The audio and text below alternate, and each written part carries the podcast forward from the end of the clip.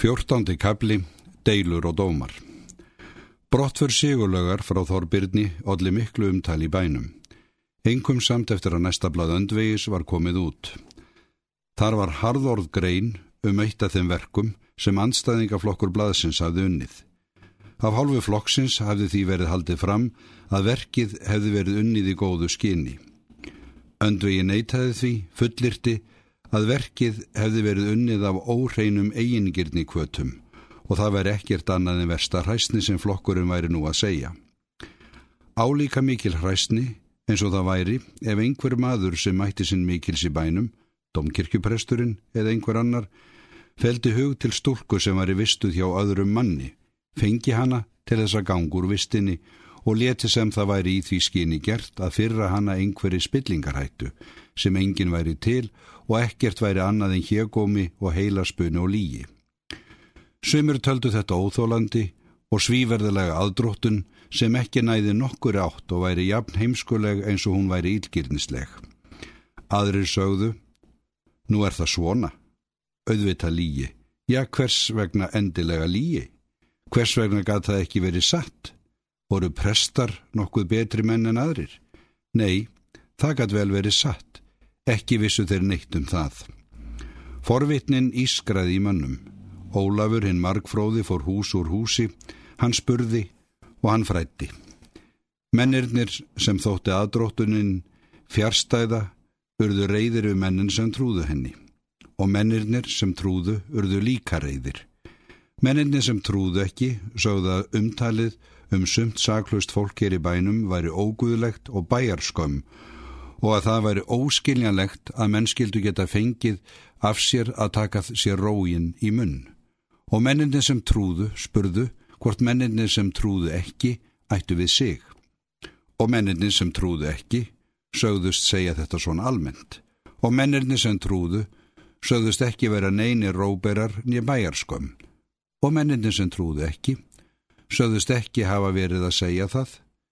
Mennirnir sem trúðu sögðu að ef þeir hefðu átt við sig þá, og mennirnir sem trúðu ekki, spurðu hvað þá yrði og hvort mönnunum sem trúðu væri umhugaðum að láta það hvað sem tautaði eiga við sig.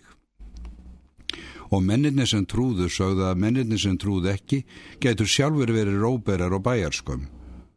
Og mennirnir sem trúðu ekki sögðust ekki ætla að svifta hýna þeim heidri að vera það einir fyrst þeir vildu ólmir taka hann að sér.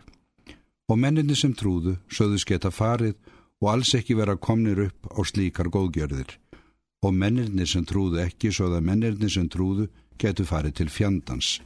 Fyrst ekki væri hægt að tala við þá, mælt mál án þess að þeir eruðu ösku vondir.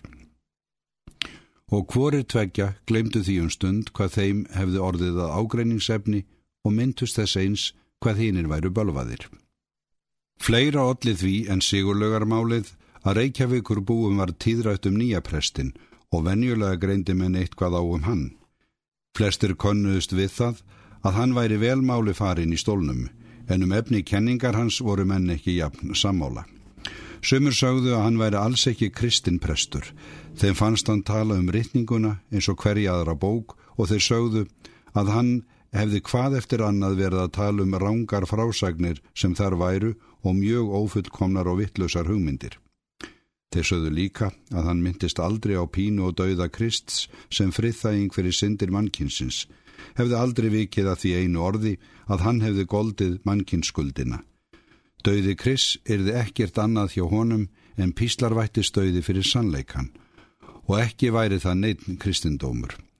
Aðrir hafði ekki tekið eftir öðru en að það væri gott Guðsorð sem presturinn predikaði og þeir trúði því ekki að hann, sér að Þorvaldur, væri að fara með neinar villukenningar. Hann væri víst ofgóður og vandaður maður til þess. Þeir ásettu sér að taka betur eftir til þess að komast á raunum hvort þessi aðfinnsla væri ekki alveg út til loftið.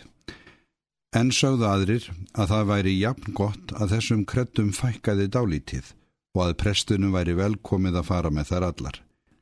Ennfremur voru menn sammálu um það að prestur væri einstaklega ljúfur og góður við bástata menn eða þá sem hann helt að ættu bátt.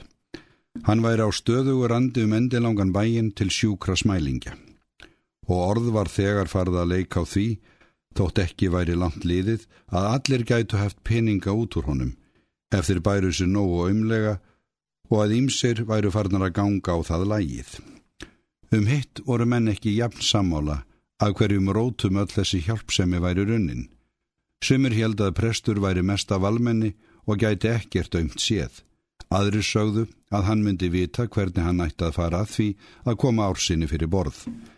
Þetta væri leiðin til þess að fá múgin með sér og prestur myndi hafa laga á að færa sér hann í nitt þegar að því ræki að hann þyrti á honum að halda.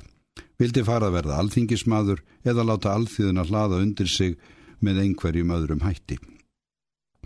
En aðrir held að prestur væri mesti skíaglópur, draumóramadur, barn, astni. Hann væri með hinar og aðrar mannúðar hegiljur. Það væri auðhert í ræðum hans og þetta væri ekkert annað en vitsmun að þoka og lundernisveiklun.